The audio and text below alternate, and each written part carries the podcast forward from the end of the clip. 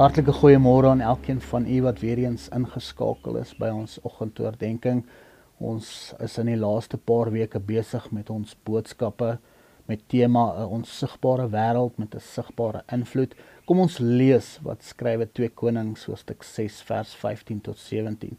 Die vroegmôre het die slaaf van die man van God opgestaan en toe hy uitgaan sien hy 'n leer rondom die stad met perde en strydwaans. "Ag meneer," sê die slaaf vir Elisa, wat gaan ons nou maak? Vers 16 sê hy het geantwoord: Moenie bang wees nie.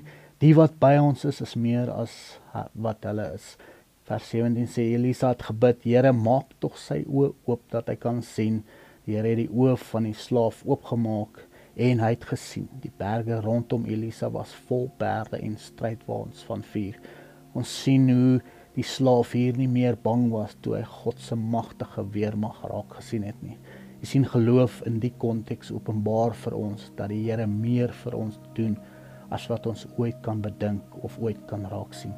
Ons moet altyd onthou dat wanneer die wêreldse dinge ons begin oorweldig, dat daar geestelike hulpbronne beskikbaar is vir u en vir my selfs al kan ons dit nie met ons menslike oog raak sien nie.